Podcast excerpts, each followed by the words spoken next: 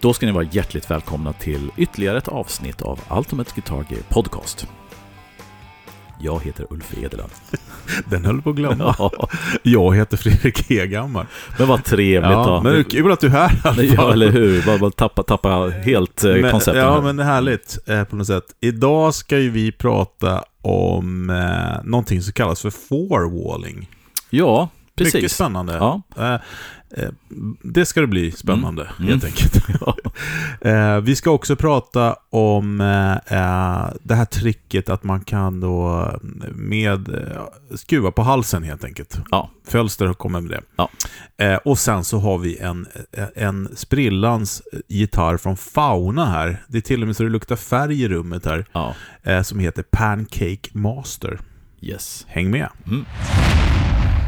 Ja du Uffe, Four-walling. Det här ja. var någonting som kom en, en sen kväll på våran Messenger. Väldigt spännande. Jag ska vara ärlig eh, och säga att jag aldrig har hört talas om, om eh, begreppet. Nej, och det är ett begrepp som faktiskt kanske inte har funnits så mycket i musikbranschen. Som det är egentligen ett filmbegrepp. Ja, just det. Och, eh, och, och rent kliniskt, vad mm. innebär det? Rent kliniskt så innebär det att Eh, ja, man kan, om man ska liksom, liksom läsa någon form av definition på det så har det att göra med att det är en distributionsform. Eh, alltså, eh, filmbranschen så fungerar, fungerar liksom, finns paralleller med musikbranschen. Att du skickar in film och sen har du biografer som då eh, tar betalt för att du får använda deras biograf. De mm. tar liksom stora delar av intäkterna, du får betala en avgift och sen så får ni dela på intäkterna och eh, det finns promoters, det finns massa folk som ska ha en del av kakan. Och four-walling innebär ju att du själv tar kontroll över den processen, att du själv blir din egen promotor. Du hyr ställen själv och du gör allt det där själv. Du hyr en tom lokal helt enkelt, ja. därav four-walling. Ja, precis. Och eh, de fyra väggarna, precis. Du tar, du tar liksom command över ditt rum och ditt, ditt konsert, eh, mm. eller ditt film, eh, mm. din filmsalong. en större risk, mm. men också en större vinst. Ja. Men jag tänker liksom, för det här med forwalling eh, är ju någonting som inte jättemånga håller på med av lite olika skäl. Eh, jag tänkte om man går till... Det här ska inte bara handla om for, forwalling eh, och, och, det som Joe Bonamassa gör. Vi ska gå lite, komma tillbaka för det, till det. För det är, där, det är därifrån yeah. du fick det. Precis. Det är därifrån jag fick det. Det är där vi ska liksom... Eh, vi ska använda honom eh, helt ja. enkelt och hans eh, så kallad karriär för mm. att prata om det här. Exakt. Men egentligen så kan man säga att det genomsyrar ju en hela världen just nu med att man gör saker själv. Ja, man, och, man tar bort mellanled helt enkelt. Ja, och, och, och, både ja och nej tycker jag. För att det finns två strömningar lite grann över det här. Eh, och orsaken till hela att, att det är lite grann uppe i luften nu, de här gamla traditionella makt maktcentra och maktspelarna, att, att det har endast har att göra med hur vi lyssnar på musik. Alltså hur di musik distribueras. Eh, den klassiska gamla modellen var ju det att du som artist, för att kunna få ut din musik så var du nästan alltid tvungen att skaffa ett skivkontrakt. Ja, och spela in också. Ja, men precis. Delen, om du inte var miljardär. Ja, liksom. men precis. Ja, men alltså, du, du är helt enkelt tvungen att få signa dig till ett stort, eh, oftast ett stort eh, skivbolag, som då hjälpte dig med allt det här som du behöver. Eh, dels att ge dig studiotid, betala studio, mm. eh, uppehälle. uppehälle och sen så betala producent, betala tekniker, ge dig själv ett förskott mm. så att mm. du kunde leva under tiden du spelade in det här och sen när skivan var färdig så skötte de distribution, de för, skötte marknadsföring oh ja. och tog väldigt, väldigt bra betalt för det därför att de var i maktposition. Mm. Vad skulle du som artist göra om inte du får ut musiken? Mm. Så att skivbolagen hade ju då av tradition en ganska stor bit av kakan. Och eh, en del kan tycka rättvist så därför att det var de som gjorde allt det här. Andra tycker att ja, men utan artisten så hade ni inte haft någonting att distribuera. Det är den gamla klassiska motsättningen mellan de stora företagen och artist. Men eh, när tekniken utvecklade sig de sista 20 åren eller 30 åren, hur man ska se det, så börjar då den här modellen utmanas. Ja. Av fler skäl, därför att dels så fanns det då, kunde du som artist få tillgång till eh, internet. Men du hade också som artist tillgång till teknik som gjorde att du behövde inte köpa studiotid. Du kan bygga din egen, egen studio. Eller köpa en webbsida för tre miljoner. Mm. Eh, kunde du göra själv helt plötsligt. Mm. Ja. Och så plus då att folk slutade köpa skivor. Alltså det var helt enkelt så att man man, eh, ja men först var det Napster nedladdning och nu är det streaming som är stort. Så ja. att det finns ingen fysisk produkt att sälja över disk. Vilket var det gamla skivbolagens mm. stora grej. att Utöver att då förse dig med, med pengar och möjlighet att spela in så var det också distribution av det hela. Och de hade sina kanaler, sina skivaffärer. Ja. Så du kunde inte sälja någonting om inte du hade... Jag kunde kunde du, men det var svårt. Ja, eller du kunde inte försörja dig på dig. Så att de hade all makt i sina händer. Eh, men det som har hänt de sista åren är ju då att den här makten har ju förskjutits. Ehm, och eh, artister har då, skulle man kunna säga, att, att det är en liten demokratiseringsprocess. Att, artister kan dels sitta hemma med sin laptop och spela in musik och sen distribuera det via egna hemsidor eller via streaming och sånt. Ja. Men jag håller med dig. Men samtidigt så är väl den tiden också lite förbi just när det kommer till musik. För att om du tittar på de artisterna som tjäna pengar och kan leva på det här, de har ju nu igen skivbolag bakom sig. Jo, och, och, och precis. För, och, att, för att en, en, period så var det så här, om jag, om jag gjorde bra, eh, om jag syndes online och jag gjorde det, och jag fanns på de här streamingtjänsterna och sånt, så, så syn, syns man så finns man. Mm. Men idag så är det ju så mycket. Och att få in din låt på någon speciell spellista, vilket är det som handlar om idag, mm. Eh, det behöver du skivbolagskontakter för att få göra. Ja, och, och det är det som är intressant. Därför att en, en, period här, det jag pratar om nu, var det här liksom att då såg man att ja, skivbolagen kommer gå graven, de har spelat ut sin roll, ja. det är gamla dinosaurier. Men mm. Det har ju blivit tvärtom, precis som du säger. Skivbolagen är ju kanske nu mäktigare än någonsin och det beror på några saker. Eh, och det beror ju dels på att de har ju på något sätt lyckats få stor del av kakan och det streamade så att säga. Och det finns ett koncept som även Joe Bonamassa nämner innan vi går in på forwalling. Ja. Och det är den här som kallas då eh, 360-upplägget. Och vad är då 360-upplägget? Eller det, 360 full, circle. Exakt, det, det är som full circle. Och vad innebär det då? Jo, att nu för tiden är det så här att när den här tiden av eufori över att vi slipper skivbolagen och så märkte man att jag får inte ut här grejerna ändå. Då dök det här 360-grejen upp. Och vad innebär det? Jo, förr i tiden så var det så här att det egentligen skivbolagen var intresserade av få en del av kakan av försäljningen. Mm. Därför att det var den biten som var pengar. Ja. Sålda plattor helt enkelt. Men efterhand som försäljningen försvann så började ju då artister ge sig ut och turnera mer för att tjäna pengar på turné. Merch blev ju mycket, ja. mycket större. Och där skivbolagen då, de var inte dummare än att inse att men vänta lite grann här, vi förlorar, vi kommer inte få pengar på att eh, på försäljning av skivor. Men det andra som artisterna nu tjänar pengar på vill vi ha en bit av kakan. Mm. Så att det de gör med 360-upplägget då är ju att de erbjuder artisten en massa pengar i förskott. Så att nu här får du en stor summa pengar, mm. jättemycket pengar beroende på varför artist och sånt. Men i gengäld så vill vi åt rättigheterna till din merch, mm. till ja. delar av konsertverksamheten och kanske till och med den som har varit lite helig publishing. Ja. För publishing är ju det att du äger rättigheterna till din musik mm. och spelas det på radio så får du pengar. Mm. Och det har skivbolaget aldrig mm. haft en del i innan. Nej, man ser ju fler och fler som säljer, framförallt äldre artister. Ja, men precis. Och det finns pengar i att äga rättigheterna. Men det här 360-upplägget är så att då får du en påse pengar, men det kan vara så att du binder dig till att sälja rättigheterna, eller stora delar av rättigheterna mm. till allt det andra runt omkring mm. på en ganska överskådlig tid. Ja. Och sen om någon kommer till dig med, med 10 miljoner dollar och säger att ja okej, okay, du får de här pengarna, men vi vill åt det här och det här och det här. Så finns det en risk för att ja, du ser pengarna, men du ser inte vad du är om sju år. Nej. Så att det är själva motsatsen kan man säga till forwalling. Det innebär att du helt enkelt gör en, alltså nästan en buyout. Du säljer mm. tillgången till allt det här som du kan tjäna pengar på till typ ett skivbolag för en påse pengar. Och det är någonting som, som blir vanligare vanligare nu. Det är ett sätt för... Så som då, andra tjänster säljs? Ja, alltså det är ett sätt för, för de stora spelarna i branschen att komma åt pengar som de har förlorat i ren försäljning av skivor. Mm. Eh, så det upplägget är väldigt ofta folk faller för, så att säga, för att det är så mycket pengar upfront. Jag jobbade ju i webbranschen förr i tiden.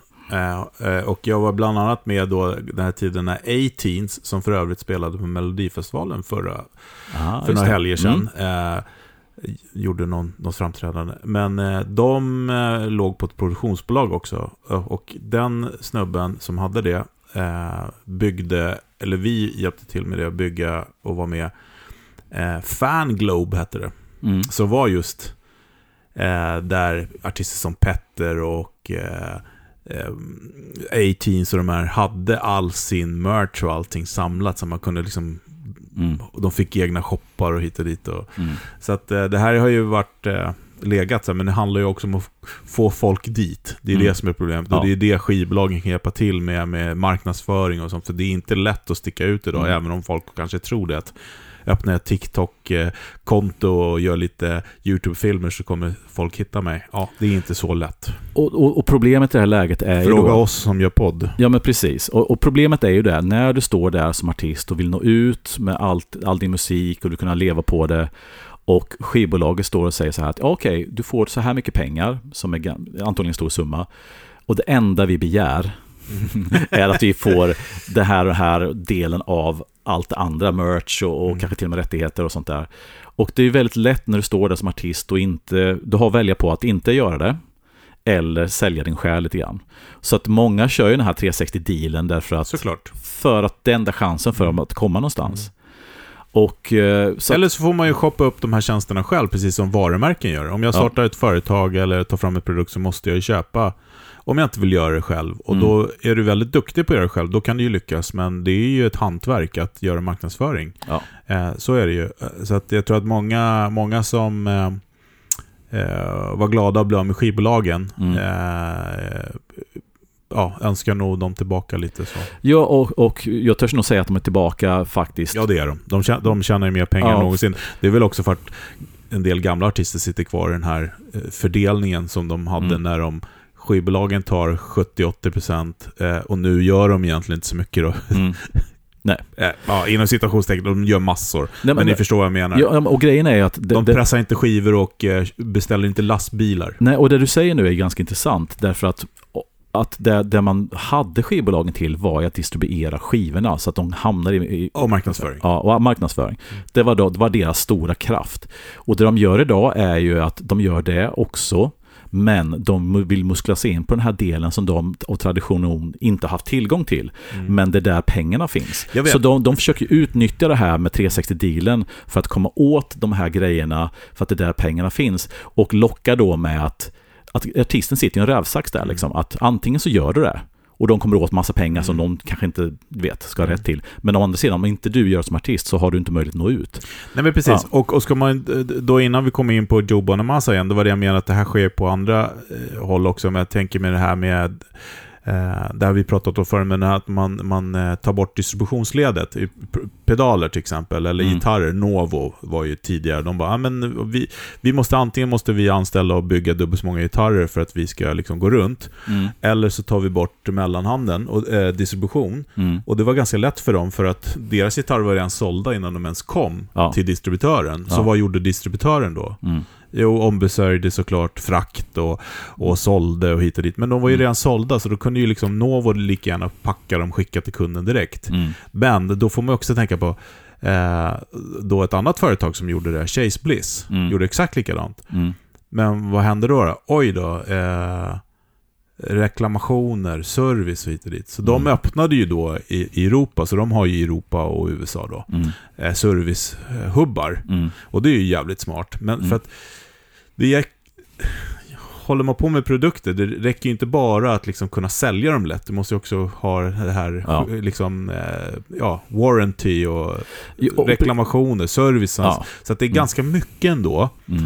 Men det är klart att distributörerna, eh, jag har inga problem med att ge dem en känga heller. För där har det ju också gått lite för långsamt med vad de kan erbjuda. Om man tänker att skivbolagen har förändrat vad de erbjuder, Mm. 360 nu då, Mm. så skulle det väl vara härligt om distributörerna gjorde det också lite mera. Ja, och sen så tycker jag man måste hålla isär en fysisk produkt. För att en fysisk produkt, precis som du säger, som en pedal eller förstärkare, ja. behöver ju hanteras, precis som skivorna behövde hanteras. Än så länge. Ja, precis. Men alltså det behöver servas och det behöver bytas ut och sånt. Liksom. Så det finns en fysisk produkt som måste skickas på ja. något sätt, oavsett om det går direkt från tillverkaren ja. eller konsumenten. Men när det gäller en eh, en digital produkt så är, det, så är ju distributionen och äh, det finns ju ingen garantihantering av det hela och då är den grejen liksom lite borta. Men det, det man märker både på skivindustrin och prylgrejerna är ju att de här gamla eh, sätten att eh, distribuera oavsett om det är musik eller prylar håller ju på att liksom rasar ihop. rasar ihop. Och då är frågan vem som vinner på det. Liksom. Mm. Uh, är, är det vi som konsumenter som vinner på det eller är det tillverkarna som vinner på det? Eller är det förhoppningsvis bägge två? Eller, In, initialt så är det ju svaret ganska, är ju att det är tillverkaren eh, eftersom den får mer av kakan. Mm. Priset, om, om den kostar 100 kronor så får ju tillverkaren 35. Mm. Eh, och däremellan är det ju försäljningsstället eller affären och sen så är det distributören som ska ha sitt om man tar bort de leden och man säljer direkt, mm. då måste du ju anställa folk som packar och skickar och har service och sådana saker. Exakt. Så ja. då kanske du kan få behålla 60% då istället. Mm. Så att... för, för, att det, bara för att ta bort ett led så innebär det inte att du, ska, du, du skaffar högre kostnader. Ja, ja, så det kan ju vara så att det äter upp exakt, vinsten. Exakt. Så, eh, så det, men det, det, är spännande, men, men mm. det är väl bryggan över då kanske till den fysiska världen och det här med forwalling som som eh, du läste om eh, jo, mm. Joe Bonamassa. För det är väl ingen som har undgått att, Joe bon, att det går bra för Karn. Ja. Och att han verkar tjäna sjukt mycket pengar. Mm. Med tanke på alla gitarrer som han köper. ja, precis. Ja. Nu är det ingen av oss som vet om han var förmögen innan eller så, men...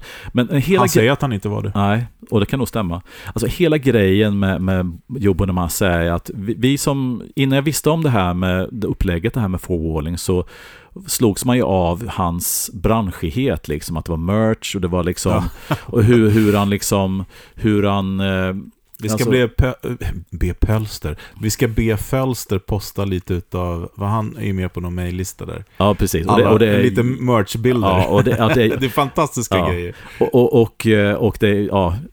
Men också här liksom hur han gör liveinspelningar, han är på coola ställen, han hyr Albert Hall. Och Båtar och Ja, precis. Och liksom, så att hela den här marknadsföringen av hans musik, och sen, sen kan man tycka vad man vill om hans musik. Eh, men, men om man är duktig gitarrist eller inte. Det, jag, ska, jag lägger inget värde i det hela, mm. men, men det är ganska fascinerande. Man har sett den här maskinen som det varit liksom marknadsföringsgrejen och man har, jag har blivit imponerad av hur han har lyckats nå ut med det hela. Verkligen. Och sen när jag läste den här artikeln om forwalling så blev jag ännu mer imponerad därför att det de gjorde från början och eh, Forwalling är ju som sagt det när man helt enkelt tar bort många av de här ja men du vet, Live Nation, alla de här, promotion, alla de här produktionsföretagen och eh, managers och promoters och allting sånt som alltid ska ha en del av kakan. Ja. Orsaken till att man betalar dem är för att det finns, precis som skivbolagen, finns en struktur där det, och det är så enkelt, okej okay, vi ska ut på turné, kan här, vi ska fixa, och sen är det massa promoters och massa ställen som gör det här åt dig, presenterar, okej okay, nu har vi fixat, bokat den här lokalen, nu har vi liksom gjort en turné åt er eller mm. hjälpt er med Och sen så tar de en bit av kakan för att du slipper göra det. Och det är väldigt, väldigt många som, som tycker att det är väldigt skönt att slippa det. Och sen när de kollar på hur mycket pengar de egentligen har förlorat på det, mm.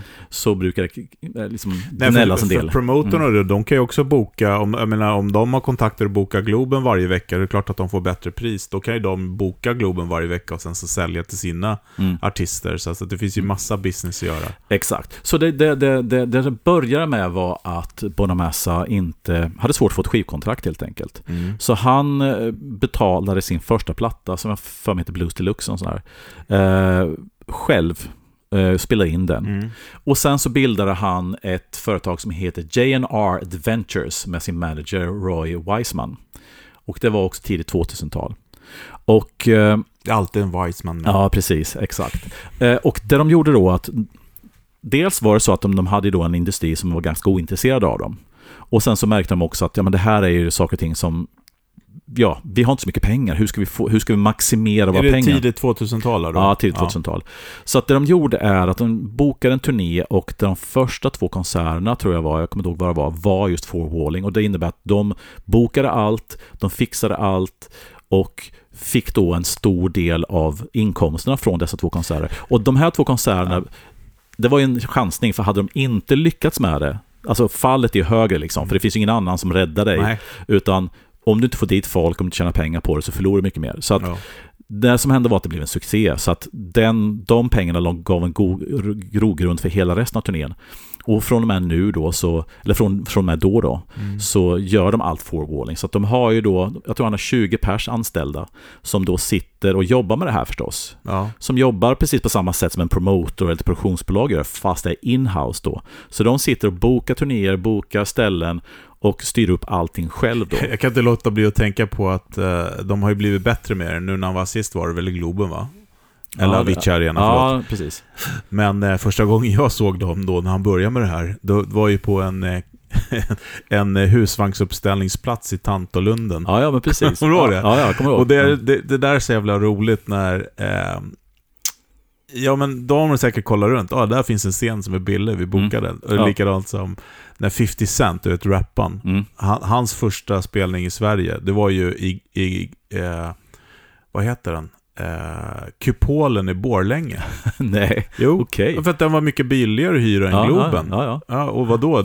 Liksom, Borlänge, Stockholm, det är väl inga avstånd för en amerikan? Nej, nej, liksom. nej precis. Så det, det är så roligt. Ja, men fan, du, en boll här som kostar flera miljoner, en boll där uppe som kostar ingenting, vi tar den. Ja, ja, men precis. Han fyllde ju den ändå, men, men det är jo. ganska lustigt att då en promotor hade ju aldrig bokat kupolen. Nej, precis. Och kanske inte Tantelunden heller.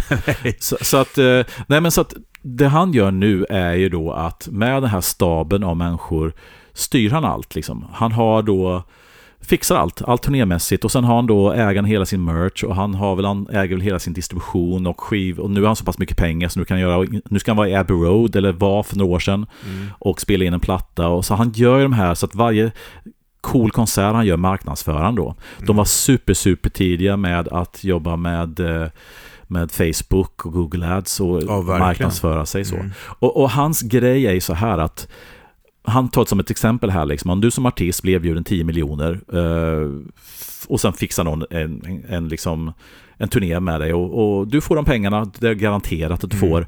Och sen så vet du inte hur mycket de andra tjänar på det, men de tjänar antagligen jättemycket pengar. Mm. Alternativet är till det att göra forwalling och då kanske du måste in med 2 miljoner själv mm. som en risk. För att liksom 2 miljoner kostar att styra upp allt det här och få hjälp med att boka allt det här. Men du kanske hämtar ut 15 miljoner i slutändan. Mm. Och han sa det att det finns nästan ingen som tar det, som gör det på det sättet. Därför att Nej, det är, så, det är, det är så en risk. Ja, det är en stor, stor risk. Dels en jättestor risk och dels så måste du vara, som man säger, man måste investera i sig själv. Och man måste våga göra det här. För att om man inte vill investera i sig själv och tycker att utväxlingen jag får som är högre och kontrollen jag har överallt, inte bara pengamässigt utan även den artistiska kontrollen är ju liksom mycket högre när andra inte har ett ekonomiskt intresse i hela, mm. är ju så stor. Men de flesta artister då tar de här pengapåsen, mm. alltså 360-dealen liksom, och åker med istället för att själv ta kontroll ja. över hela. Och, och, Men det kanske är kunskap, det är det. Liksom. Ja, och jag tror att, alltså jag tror att, jag tror att Joe Bonamassa framförallt då är en extremt driven människa som inte kan sitta still utan mm. han måste göra någonting. Och den här, hans manager då, Wiseman där, verkar också vara extremt driven. Så de två ihop hade ju en idé, en vision om mm. hur de skulle kunna göra det här. För de hade egentligen ingen som var intresserad. Det var kanske grogrunden. De hade ingen som var intresserad av att hjälpa dem. Nej, så de fick göra det själv. Och jag, jag lyssnade på eh, vår systerpodd eh, Guitar Geeks när eh, han, gitarristen från det svenska Pink Floyd eh, tributbandet mm. var med. Och de gjorde ju forwalling tidigt också. De hade mm. ju en stor lada ut i Dalarna liksom, mm. som, som de gjorde spelningar hela tiden. Och folk kom och det blev liksom som en rörelse att folk kom dit och kampa och allt mm. möjligt mm. och hit och dit. Och det är ju liksom, det är lite samma sak. Absolut. Eh, väldigt låga kostnader då från lokalerna. Eh, ja, bra avkastning på biljetterna. Mm. Och gjorde säkert merch och sånt också. Men mm. också då jag vet inte om de tog betalt för campingen och sånt, men no, det fanns ju massa pengar att göra runt det där ja. såklart. Ja. Eh, jävligt intressant. Ja, och det är ju de här pengarna runt omkring som man inte får glömma är kanske lite orsaken till att, att det här blivit viktigare för att Alltså, jag vet inte siffrorna, men alltså merch-sidan av alla artister ja. omsätter ju, alltså nu, det är nästan så att vi, vi snart förbi, om vi inte redan är där, där du tjänar mer pengar på merch än på själva konserten. Ja, ja. Därför att du, du är väldigt upphängd på hur många som kommer. Men, och det är klart upphängd på hur många som kommer för att köpa. Men merch säljer du via webben också, så du kan ju kö- sälja grejer eh, utan att vara i en stad så att säga. Just det. Eh, så att jag tror lite grann så här att det här med forwalling eller ta lite hand om sin egen business är någonting, jag är inte säker på att det är framtiden för att det, du måste ha en viss inriktning på hela och vara en viss person för att orka kunna och vara intresserad av det. För det första, artisterna är inte intresserade av businessbiten, de vill bara göra sin musik, komma ut. Därför är det mycket enklare att ta penningpåsen. Nej, men så, så Mm. är det ju. Och jag, Mm. tror att, jag tror att det kommer eh, dyka upp små bolag som hjälper. Mm. Alltså, då är vi tillbaka till någon annan som ska ha mellanhanden igen. Men, men antingen anställer du själv eller så använder du någon annan. Mm. Och det är lite grann som, eh, ja men i början på pandemin. Mm. Så, eh, ja men av naturliga skäl så hade jag lite mer tid att titta på eh, musikbranschen, eller eh, instrumentbranschen ska vi säga. Mm. Mm. Förstärka. Så jag gjorde den här grejen med Ola Insulander och förstärkaren hit och dit. Mm. Eh, det var väl för sig innan pandemin, men typ där. Mm. Eh, men ju mer inblick i den så, för, så såg jag, liksom, jag kommer då från en snabbare, kanske nyare bransch liksom, som Mm. rör sig snabbt framåt och använder de här kanalerna som finns och hit och dit. Och jag såg, åh, det finns så mycket att göra här. Mm. Så jag var ju sugen också på att hjälpa flera tillverkare, så att centrallager, centraldistribution, centralreklam, Mm, mm, f- ekonomi, Ja, ja, ja precis. att förgrunna. Ja. Eh, eh, liksom, eh, eh, att, eh, att, liksom att centralisera kring då x antal byggare eller flera, att erbjuda de här tjänsterna till en lägre kostnad då såklart. Mm. Än vad, för att många är ju inte bra, ma- det är väldigt få i världen som är bra på allt. ja, just det. Eh, De är bra på att bygga någonting, men kanske inte bra att förvalta Exakt, eller ett par grejer kanske Mm. och hit och dit. Men, eh, så där finns det också mycket att göra. Jag, jag, tror, alltså, jag tror den effektiviseringen av eh, de här så allt handlar ju om vad man vill uppnå såklart. Men, Ja, förstås. Och, och eh, ja, det du säger, det du beskriver är ju motsatsen är ju att som artist som gör musik eller som artist som tillverkar den ultimata gitarren eller förstärkaren så är det ju det som är ditt, det är därför du håller på med det. Inte egentligen, okej om någon köper det och men du vill leva på det, det brukar oftast vara så här att, ja just det, det skulle, det skulle vi göra också. Och då, då behöver man ju hjälp av någon. Om man inte har det själv, om man inte jobbar med massa, så behöver du hjälp av någon att göra det. Och då hamnar man i det här. Och det, det, det, jag tror att övergången från att vilja göra det här till att hamna i att någon hjälper dig eller någon sköter det här. Jag tror bara att man får vara noga med vad det är man ger sig in i. Oavsett om det är en, Ja, ja, ja, man säljer grejer som ska distribueras eller om man, säljer, man vill ut och turnera och få ut sin musik. Jag tror att det finns en stor okunskap och stor naivitet hur det här funkar egentligen. Liksom. Mm. Och varför folk vill hjälpa dig. Det är inte för att hjälpa dig, utan det är för att tjäna pengar. Liksom. Om man nu ska... Oftast. Ja. Oftast. Det är de där mm. slantarna som... Ja. Men du, en, Mm. en annan spännande grej är... Jag vet inte hur många som skickade det till mig och kanske var det så att många skickade det till dig. Mm. Men den här eh, Dumble-förstärkaren på Reverb som låg ute eh, för Just det. fem miljoner, den kom ut här i ve- veckan. Var det fem miljoner? jag tror det fem och en halv eller någonting sånt där. Och så Jesus. var det många som skickade till mig och sa, kan ju Edelön kanske kan vaska delayet i den där, så som du gjorde med Insulanderförstärkaren. Ja, just det. Men eh, då var det faktiskt eh, min vän eh, Anders Bjärfalk som skickade till mig eh, liksom att Ja men det här betyder ju att Joe Bonamassa är miljardär i prylar. Mm. Om man tänker sig vad han har. Och det är Mm. han ju lätt. Så, Ja, i kronor ja, åtminstone. Ja. Ja. Eh, och att liksom Jag menar han har ju hur många burstar som helst, han har massa dumbbells hit och dit. Men var det inte så att han skrev någonstans att han turnerar med 10% av sina gitarrer och han är ute med 30-40 gitarrer, eller om det var 50 gitarrer? Ja, han, har, han har väldigt många. Och, Då, då innebär det, vad är det, vad är det liksom, att han har, då har han ju 500 gitarrer, eller vad är det? Jo, men Mm. det här gjorde mig... Eh, det väckte någonting i mig, eftersom vi skulle prata om det med forwalling, Ja. göra saker och ting själv. Ja. Och det handlar ju om att tjäna pengar och hit och dit, och han köper ju väldigt mycket instrument. Mm. Eh, och det är ju ett klassiskt sätt för folk som tjänar mycket pengar att skriva av saker, som det här Mm. är ju hans arbetsredskap. Ja. Eller hur? Så Ja. tänkte jag, ja, det är klart att det har med det att göra. Han, han spelar mycket, han tjänar mycket pengar, han får skriva av Ja. liksom hit och dit. Och så dök det här tanken upp, men han har ju den Nerdwill. Mm. Eh, om, man, om ni känner till det, ni som lyssnar. Men Nerdwill är ju då hans gitarrmuseum. Mm. ett i LA och ett i Nashville nu. Mm. Aha. Då gick jag in och googlade på tax rules i USA. Mhm. Och det är ju så, om du har museum så Mm. betalar du inte skatt. Aha. Så han är så jävla smart. Ja. Det går ju inte Mm. att köpa en biljett och gå in på hans museum. Det spelar ingen roll. Han är ändå uppsatt som museum. Han betalar ingen skatt. Alltså, man kan inte gå hit och kolla alltså? Det är inte ett öppet museum? du, nej, nej, Nej. nej, nej, nej. Du kan boka tid med honom kanske, om du är hans Ah, polare. Ja, ja. Men de facto är det, och det här kommer ju min... Det har varit så mycket snack om eh, trossamfund nu. Det har Mm. kommit ett nytt trossamfund med de som inte tror på någonting, eller vad det nu är. Mm. Mm. Mikael Stugmark och de här. Mm. Men de, de kommer ju då kunna få bidrag precis som alla andra kyrkliga trossamfund. Ja. Och USA är väl så att de inte betalar skatt heller, va? Så? Exakt, Mm. och det var det som jag väck, väckte. Så bara, okej, han gör forwalling Mm. och jobbar som en jäkla galning. Det ska han ha. Ja. Han spelar som en jäkla galning också. Mm. Han köper sjukt dyra instrument hit och dit som Mm. till sitt museum där han Mm. inte betalar någon skatt. Jag Mm. menar, killen är smart. Ja, ja. Nej, och, och det där tror jag, man måste vara entreprenör som artist för att ge sig in i det här och hoppa av den här 360 Så när kommer liksom. UGG-museet?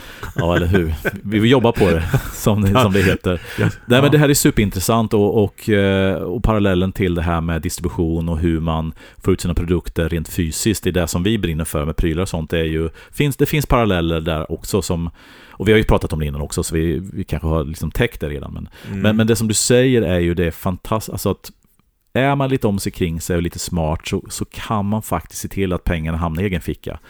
Inte hos andra som, just det att skivbolagen, varför ska de ha del av din merch? Varför ska skivbolagen ha del av din publishing? Mm. Bara för att de kan, bara för att Mm. de har vikten att säga du får inget förskott om inte vi får tillgång till det här. Och det är den delen som är lite oschysst kan man tycka. Liksom.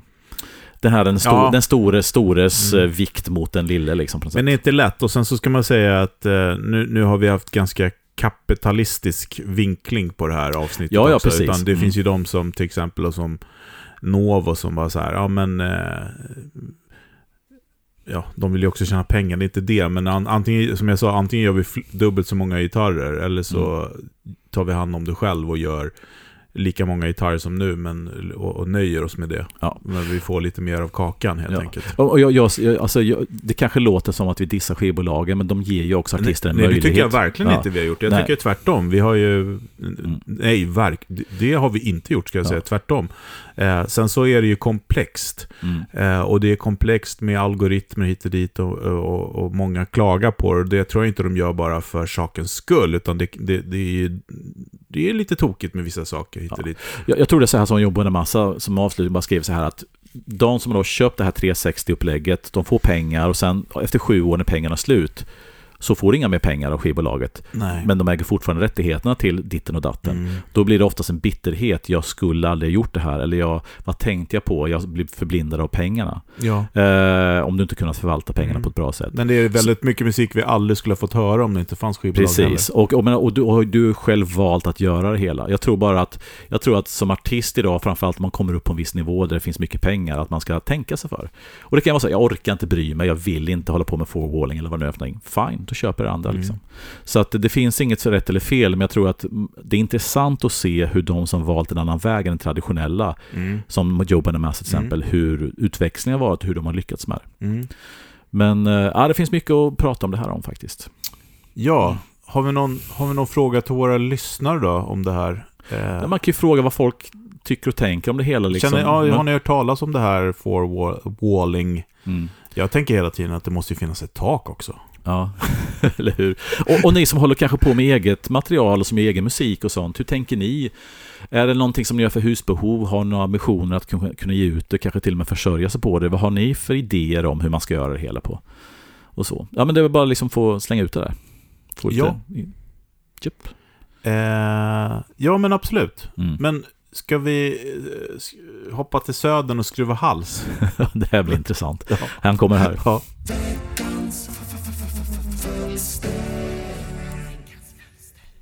Sådär, då kör vi veckans fölster. Eh, den här veckans avsnitt eh, har jag kallat för neck-seating. Och jag tror att det är korrekt term, men jag, mm, ja, jag väljer att kalla det oavsett. Eh, och det här tipset, eller tricket, kom på tal när jag snackade med några likasinnade här i höstas. Eh, och vad det handlar om är att öka resonans och sustain i gitarrer med skruvade halsar genom att få en tajtare och bättre koppling i halsfickan. Och vad man gör är att med gitarren uppstämd släpper ytterst lite på skruvarna som håller halsen ihop med kroppen för att låta strängarna dra in halsen i halsfickan. Och, och sen då dra åt skruvarna igen såklart.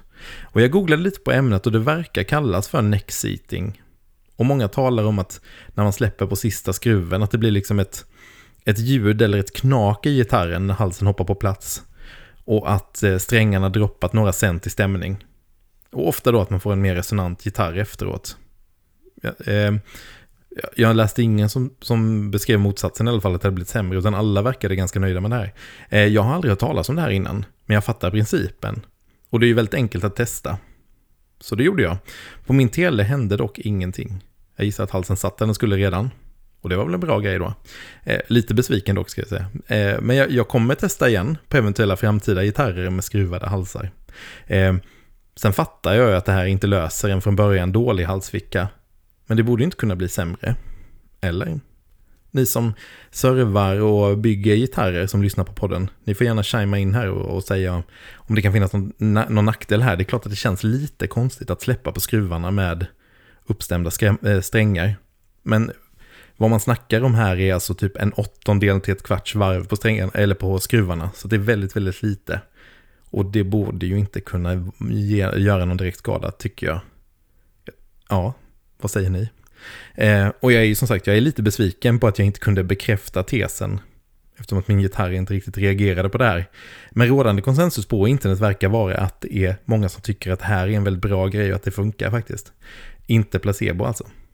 Och det finns YouTube-videos att kolla när man kan höra det där knaket när sista eh, skruven släpper. Eh, sen är det svårt att avgöra på en sån video om det faktiskt blir mer resonant. Det kanske man känner mer i händerna när man spelar på gitarren. Ehm, men ja, Fredrik Uffe och ni som lyssnar, har ni testat det här? Och funkade det i så fall? Och Fredrik Uffe, om ni inte har testat det här, kan ni inte göra det inför inspelningen? Det hade varit väldigt kul. Um, och så hoppas vi som sagt att det inte finns någon nackdel med det. Men det var ingen som skrev någonting om det på vare sig YouTube eller forum när jag googlade på det här. Så uh, kör på Fredrik Uffe, det hade varit kul. Uh, ja, vi kan väl höras på sociala medier och snacka om det här. Och se om det är något som, om det är ett, ehm, ett trick som har funkat för någon. Eller om det är, eller om det är placebo trots allt. Men jag fattar grejen, det låter vettigt. Ja, vi hörs väl på Facebook, Instagram, YouTube och Podbean. Kort avsnitt den här veckan. Ja, vi hörs nästa vecka. Hej på dig! Ja du, har, det, här, eh, det här har jag faktiskt hört talas om. Jag har varit med om det. Ja, precis. Ja. Eh, men jag har inte gjort det på jättelänge. Nej. Jag, alltså, först jag hörde talas om det här, vi har, nu har vi inte namnet på det, jag tror att Fölse nämnde vad det kallades, men eh, jag har ju faktiskt varit med om jag tror det var på den tiden jag jobbade på Estrad och Micke Hujanen var gitarrtekniker. Ja. Och han introducerade det här för mig. Och jag tror att Oskar Amme, min gode vän, har också pratat mycket om det här. Ja. Eh, och jag var med om, jag tror det var om någon Strat eller Tele som vi hade fått in och Micke sa kom hit, kom hit, lyssna på det här liksom. Mm. Så han gör precis det här. Han, han sätter den, ställer den upp på bänken mm. och sen så skruvar han bara typ lite grann på varje skruv. Mm. Och jag lovar, jag hör det här, klonk, jag hör ja. det här liksom klonket när då strängtrycket drar ner halsen ja, mot jag, jag, insidan. Jag har också varit med om ja. det, men det var väldigt länge sedan. Så att, mm. eh, jag tänker så här. Jag har mm. tagit fram en skruvmejsel här. eh, yes. Vi gör det på tysktelen. Det blir klart. Ja, ja. Så, så hör vi om det låter. Sätter vi på ljudet med lite fuss här så hörs det extra noga kanske. Eh, tänker jag. Vi har en inpluggad. Ja, men ställ den, ställ den, eh, vi ställer den, nu håller vi på. Det är lite trångt här inne i, vad sa vi, eh, sådär. Så, så, håller du kroppen. Nu, håll, nu håller jag kroppen här och eh, tysktelen står upprätt på bordet. Det är lite läskigt ha, här. Har vi volym på den då? Eh, det har vi inte. Nu har vi lite volym mm. på den. Så. Jag trycker på fullt. Nej, det blir för mycket va? ja, typ. Men sådär. Det, ja. Nu ska vi höra. Eh, Nej, vad fan, jag måste hämta... Det var, det var ingen stjärnmejsel på den här. Det är en gammal gitarr. Jag måste hämta en okay. flatmejslad. Vi tar en, ett kort klipp här då. Ja, nu är vi tillbaka igen här. Okay. Och eh, nu, ska, nu ska alltså Fredrik skruva på... Nu ska vi inte prata för mycket ifall det händer någonting.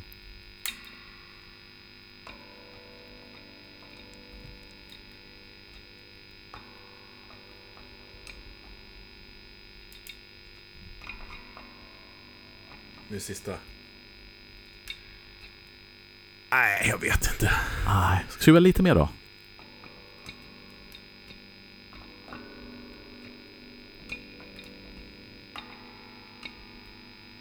Nej, den var tight. Den var tight. Ja, ja, det var värt ett försök i alla fall. Ett litet antiklimax, Ja. men Ja, men det var, ju- det var det här som var grejen. Vi skulle ju testa eh, om det hoppade, för att om den inte hade suttit rätt då, då så hade det ju smällt till. Precis. Nu får du inte glömma att skruva åt de här skruvarna sen bara.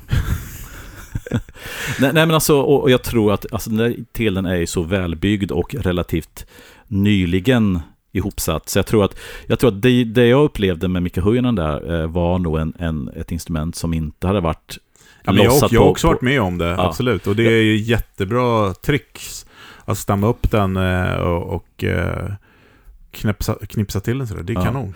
Jag, jag tror att som sagt var, att det kan ju vara att trä har liksom torkat ut och det har skapats ett utrymme där och sen släpper man lite grann på det så, så får man det här. Så det är nog inte alla gitarrer som behöver göra det, men en del, framförallt som har varit ihopsatta länge utan att blivit... Mm, och lite sådana som på. kanske har någon skims i och sådana saker. Ja, Det händer ju grejer. Men det var ju... Eh, jag hade ju faktiskt hoppats på att den inte hoppade till. Ja, för det, här- det, var, det var ju tur i oturen på något sätt. Ja. Men, men upplevde du, nu är det ju så länge sedan i mitt fall så att jag kommer inte ihåg om jag upplevde, oj, det blev bättre. Men vad, kommer du ihåg om det hade någon kvalitetshöjning på, på lät? Alltså sustain men, och allt men grejen är att jag har ju, det här har vi pratat om förut, absolut.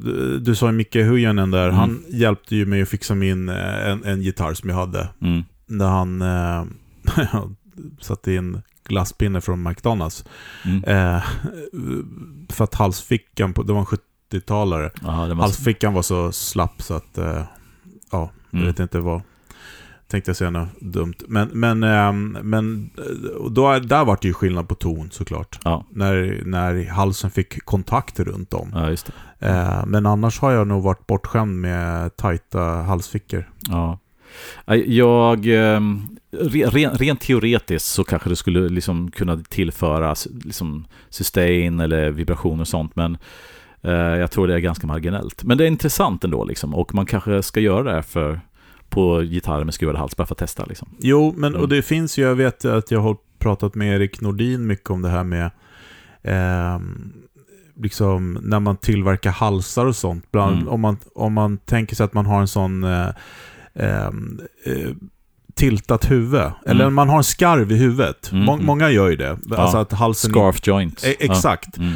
Och då var det ju bland annat eh, Frank Brothers då, som är mästare på sådana här saker, hade ju tagit fram någon ny grej. Så att det vart, man fick väldigt mycket anläggningsyta Just det. Mm. eh, och sånt för att limma då. Mm. Mm. Eh, och nu pratar vi om att skruva, men det är klart att, att anläggningsytan, om den är, liksom tight och hittar att det vibrerar bättre, det, Mm. det säger sig självt på något Mm, sätt. Att mm. ju tightare det är, desto bättre helt enkelt. Mm.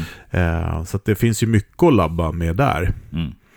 Eh, och vi ska ju snart titta på en gitarr som har ett, en speciell halsinfästning också som bidrar till det, tänker jag. Och man snackat också på Gibson-gitarrer med long tension, och inte tension, vad heter det? Long tenon va? Tennonen, precis. Mm. Att den går in i kroppen, eller som på gamla SGs när man fräser bort den när man sätter i halsmicken. Ja. Så den går av liksom, nästan gitarren. Eh, nej men det är... Ja, men testa det här. Ja. Men ni ska, inte, ni ska skruva bara lite, lite så att ni bara lossar skruven så att ni inte skruvar för mycket. Så att Ja, så att halsen bara ploingar iväg. nej, då är det verkligen ett trekvarts varv, Mm. eh, typ. Mm. Eh, vad tänkte jag mer säga? Ja, men det här tricket också när man har tagit ur eh, alla skruvar egentligen, man tar ur. Mm. Eh, att man skruvar, eh, när du skruvar i en skruv så är det ju oftast då, om det Mm. inte är något specialare, så, så är det ju att man drar åt med urs Just det. och släpper mot urs. Mm. Eh, och när man skruvar i då på trä så kan man börja med att skruva mot urs när man skruvar i också. Ja, just det. Bara för att få den att... Ja, då tar man ett halvt varv eller ett varv så känner man så att där hugger den till och då drar du eh, Mm. med urs. Just det. Det är ett tips. Den sätter sig i gängorna där. Ja, precis. Coolt. Men du, ska vi gå till, apropå det här med coola gitarrer. Vi måste gå till veckans pryl, va? Ja, Mm. det gör vi nu. Kom här.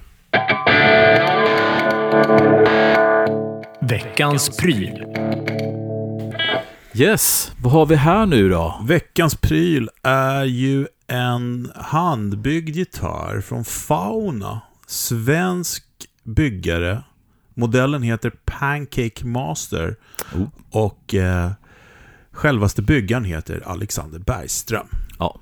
En riktig hyvenskille och, Och en väldigt duktig gitarrist. Fantastisk gitarrist. Mm. Det är, varje gång jag hör honom spela så här, okej, mm, bra. Ja, nästan, nästan som man blir så här lite, vad fan liksom. ja, Kan inte jag också få... lägg av. Kan inte jag bara få 10% av det? Precis. Nej, men svinduktig. Ja, Mm, precis. Bra på gitarr. Bra. Ja, ja. Han är säkert snygg också. det är han också. Some guys have all Ja, eller hur. Mm. stuff, höll jag på att säga. Nej, men eh, Alexander har ju hållit på ett tag med sina fauna och det började lite grann som... Eh, ja, men han byggde lite sportgitarrer som vi kallar det. Kommer du Mm. ihåg? Med Ja, lite det. speciella eh, eh, skapelser. Mm. Liksom som han, eh, Tob, vad heter han, Toby... Eh, ja men han som... Åh, ni, ni, ni som lyssnar vet. Poddhjärnan, vet Ja. du. Ja. Eh, skitsamma. Mm. Eh, det lite, här- med, med, med lite modernare snitt kan ja, man säga. Liksom. och, ja. och, och eh, stall och sådana saker och, och, och sådana grejer. De var jävligt coola, men de Mm. kallar han för sportgitarr. Det här är inte de sportgitarrgrejen, utan där är Fauna Guitars då ska vara eh, ja, men, elegans utan att vara prålig. mm. Om man säger. Det, influenserna kom ju då från de här postorderkatalogsgitarrerna. Kay, Eko, Hagström, Harmony, Tesco. Säger man det? Silvertone. Casco. Ja. Vad säger man? Tasco. Eh, ja, och sen så är det då eh, liksom, ja, gamla beprövade koncept som är då förfinade och då ehm, i- förfinade, eller som han själv säger, förfulas ibland Mm.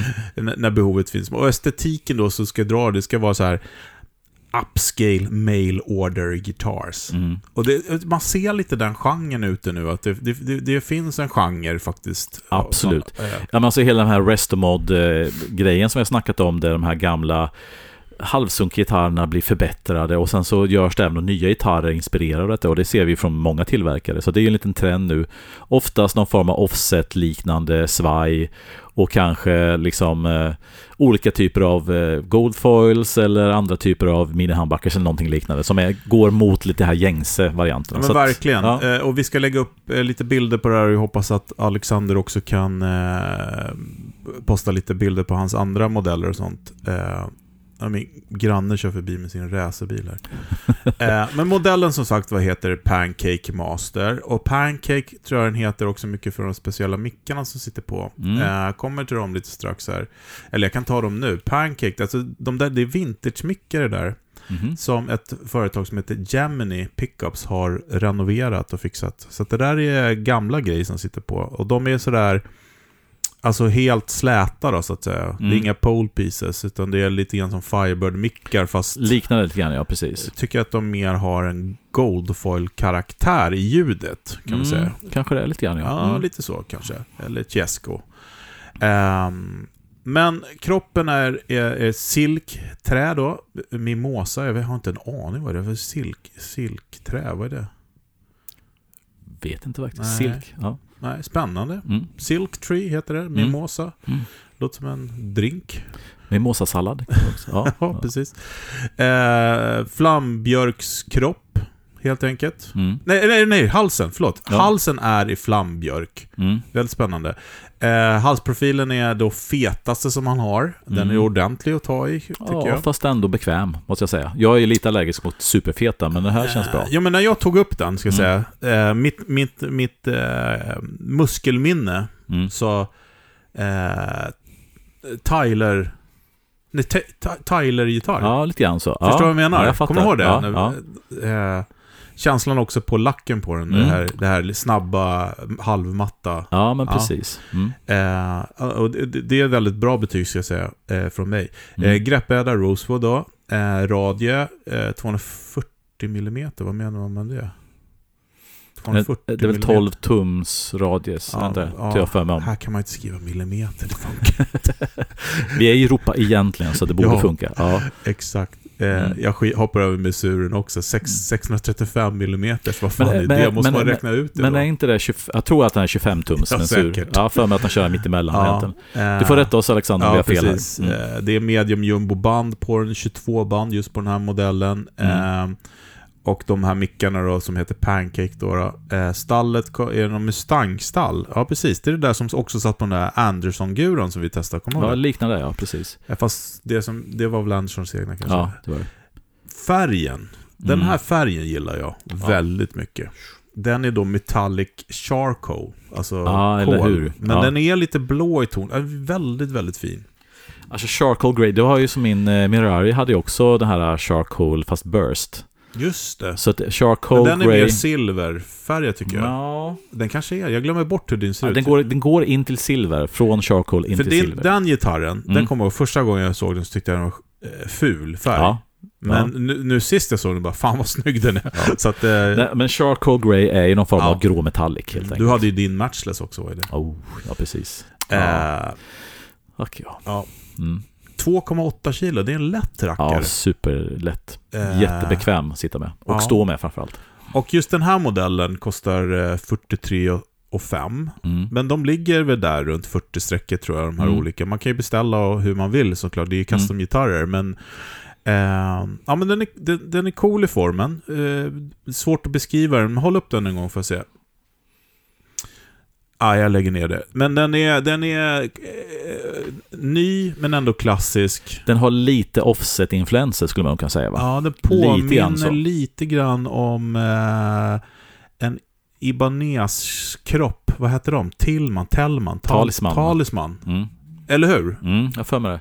Och sen har den, tycker jag, liksom lite offset, alltså Ja, den är jazzmaster. skitsnygg. Eh, bra access är det ju. Att liksom, det nedre hornet går ju ända upp till 20 band, eller ja, Ja. någonstans. det är lätt att komma åt de övre banden, Och klart. om du vänder på den där mot mig, om det går, det är lite trångt här inne, eh, så är den ju då skruvad med en lång infästning på halsen. Och det är då fem skruvar som halsen sitter med, apropå det vi pratade om innan. Ja. Att den där ska röra sig, det, det, det är svårt att Ja. förstå. Och halsfickan är super, super tight så att det är inte Mm. många bråkdels millimeter som är till godo där. Så Fi- att, mm. Fina detaljer Mm. hit och dit. Ehm, vi tänkte att vi, vi, vi drar några ackord som man får höra hur den låter helt Ja. enkelt. Men, men det här är ju något som man måste uppleva som sagt var. Mm.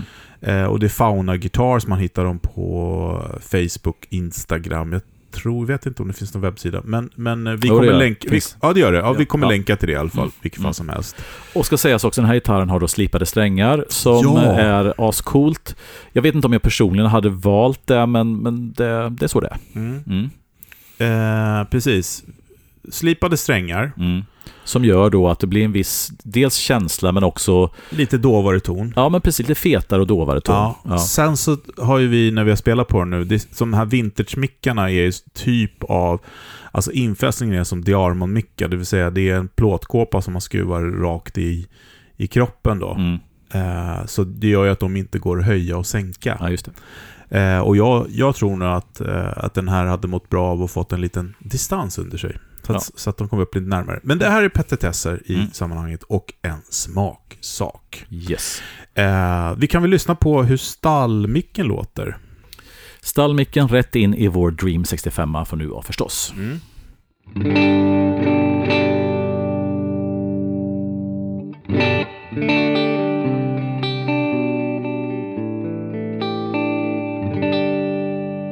Det är väldigt resonant gitarr, hör man i rummet. Absolut, absolut. Men ni hör att det är lite rundare, dovare ljud i den, eh, som gör, man tänker lite jazzy. Ja, men lite grann. Alltså, det är ju så att har man slipade strängar är det lite grann det man är ute efter. Mellanläget låter så här då.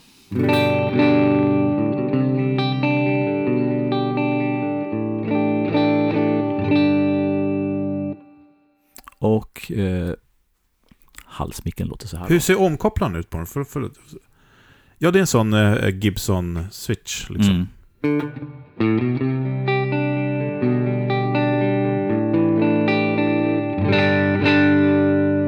Och sen mellan igen då. Och leadläget. Ja, det, Mm. jag tänker så här.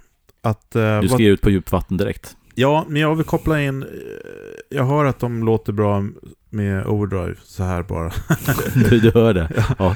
Eh, Vi har kvar silten inkopplad sen Ja. förra avsnittet. Silt-fussen från Walrus. Ja, Ja. Om jag kör, kör flat-läget och gainen på noll Mm. och så lägger jag till lite topp på den Mm. så tror jag att det kommer låta jävligt bra.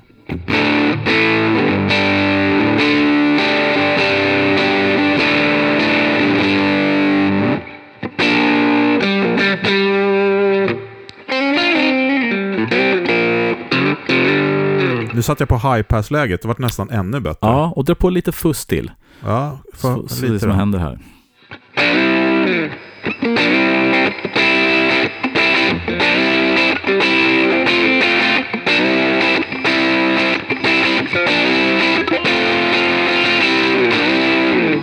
Alltså det är så att jag skulle vilja ge det ett slide-rör nästan. Jag ska inte göra det nu, men, Ja, men precis. det här är, det är Ja. bra slide-ljud. Ja, ja men verkligen. Mm. Och, och jag tycker det låter coolt med fuss overdrive alltså. Verkligen. Ja, men du, fasken, du måste vi testa igen. Eh, bara en grej till. Ja, ja, kör hårt. Eh, halsmicken och eh, eh, oktav, oktavljudet. Mm.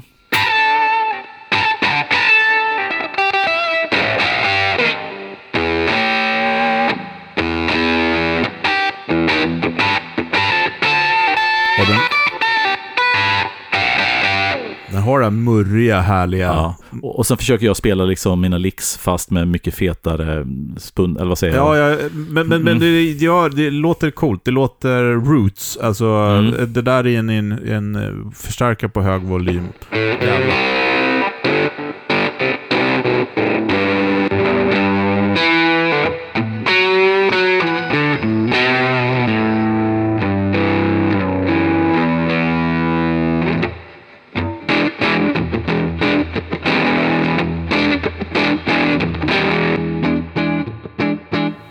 Ja, coolt. Ja. Ja. men Fauna Guitars. Alexander Bergström. Kul, superroligt att, äh, äh, testa den. Det här är ju... Har, vi, har du testat förut? Jag tror inte. Kanske bara någon tillfälligt. När, Ja, men för jag tror inte det. jag var faktiskt. väldigt sugen på en sån här fast med tele... Ja, Tele just det. setup Mhm. eh, vet jag att han har också. Eh, men riktigt coola. Han bygger basar också, det har man ju sett på... Ja, en short scale-bas va? Som Ja, men han på Idol va? Just det. Tror jag körde en sån. Asschysst. Mm. Kul! Ja, Grattis! Famla Eh, Guitars, Alexander. Ja, det vill vi Coolt. se mer av. Yes. Mm. Ja, verkligen. Eh, men eh, till nästa vecka får ni ha det bra. Ja, men verkligen. Så hörs vi. Hej, hej.